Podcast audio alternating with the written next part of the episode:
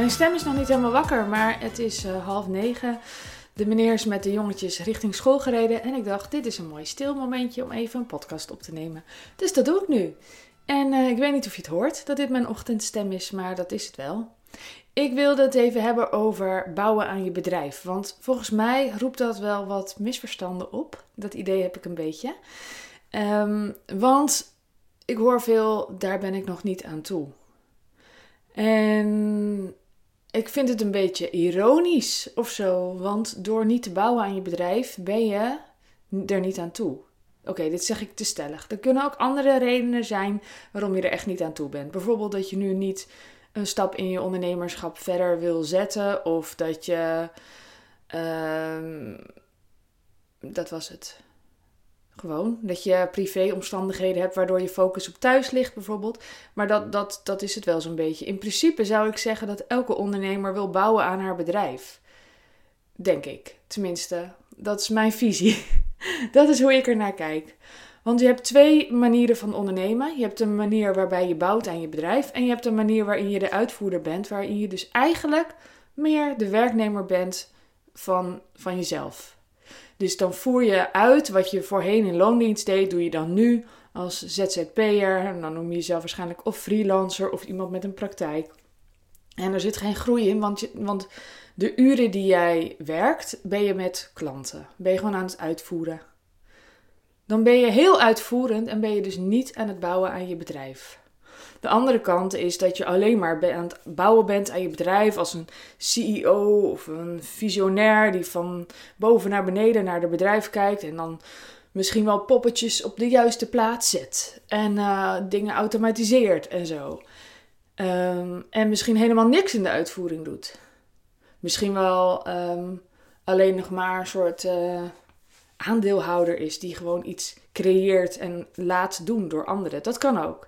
Ik denk dat je daar niet per se nu op zit te wachten. Dat kan ik me voorstellen.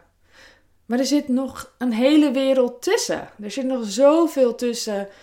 Ik heb een bedrijf en dat is een soort huls dat helemaal gevuld wordt door anderen. En je hebt, ik ben mijn bedrijf in mijn eentje. En als ik niks doe, gebeurt er niks. Um, als ik niet uitvoerend bezig ben, is er geen groei. Ja, dat is, dat is echt tegenovergesteld aan elkaar. En daar zit dus, zoals ik zei, een heleboel tussen. Niet een beetje, maar een heleboel. Daar zitten nog zoveel smaken en kleuren tussen. Je kunt er namelijk voor kiezen om wel na te denken over waar je naartoe wil.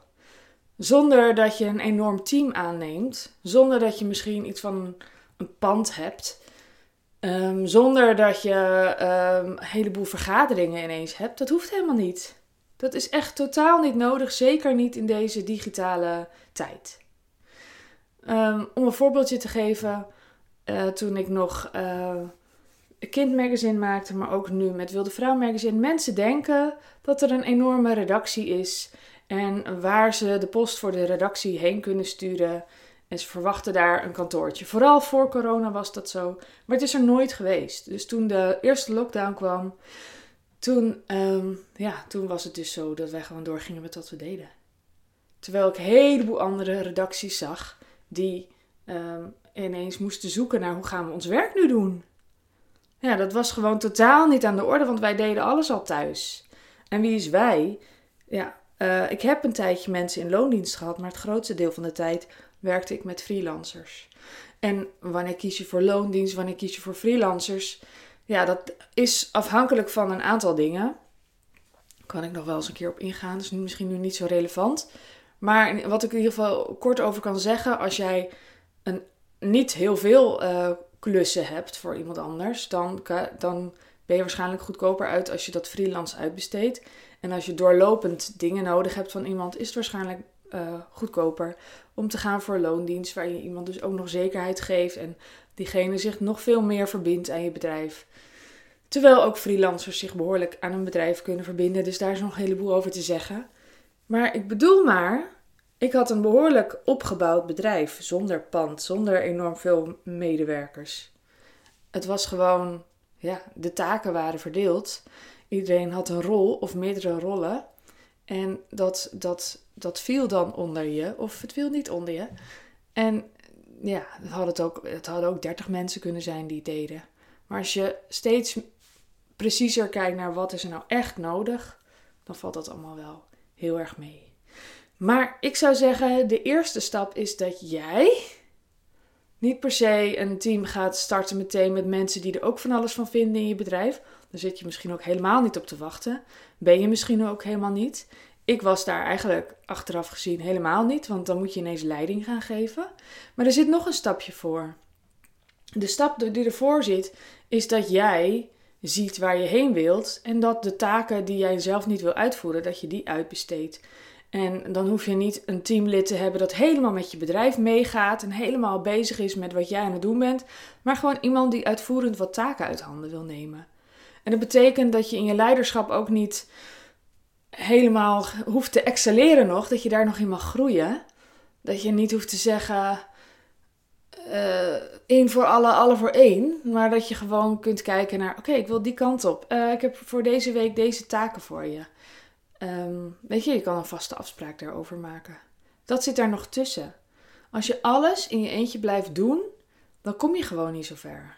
Dat is gewoon echt moeilijk. Je kan wel best ver komen, maar echt helemaal alleen. Ik, ik kan even geen voorbeelden noemen van ondernemers die een groot, nou groot zeg ik dan weer, maar uh, misschien een bedrijf hebben opgebouwd dat veel, uh, waar ze veel geld mee verdienen, laat ik het dan zo zeggen.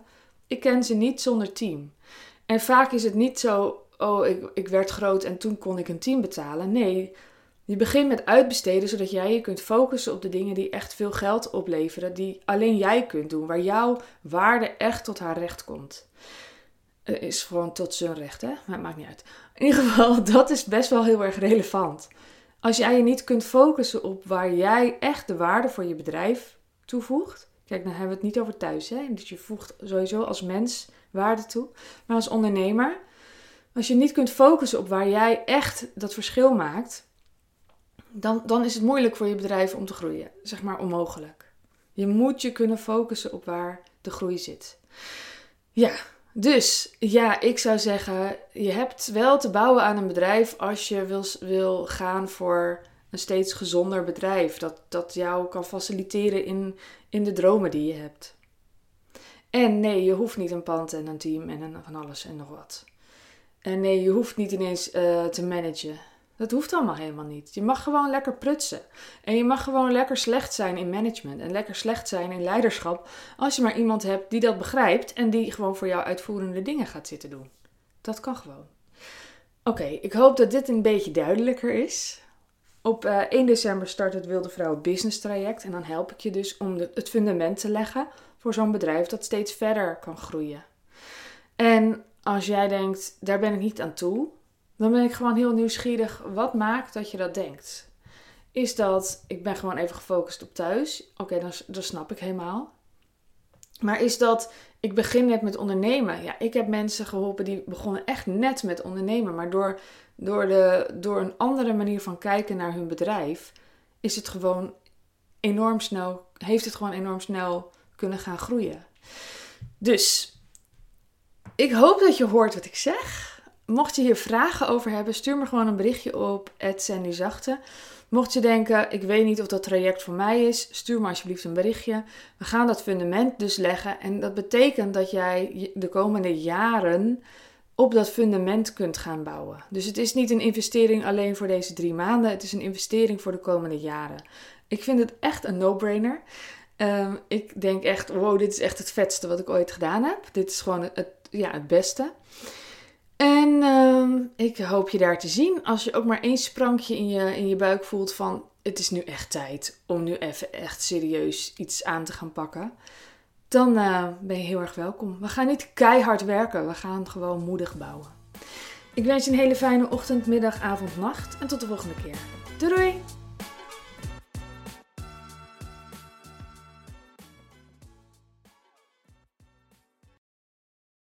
Wil jij bouwen aan tien keer meer eigenaarschap over je leven? Wil je dat door middel van zelfvoorzienend leven in het kleinste zin van het woord, ondernemerschap en persoonlijk leiderschap?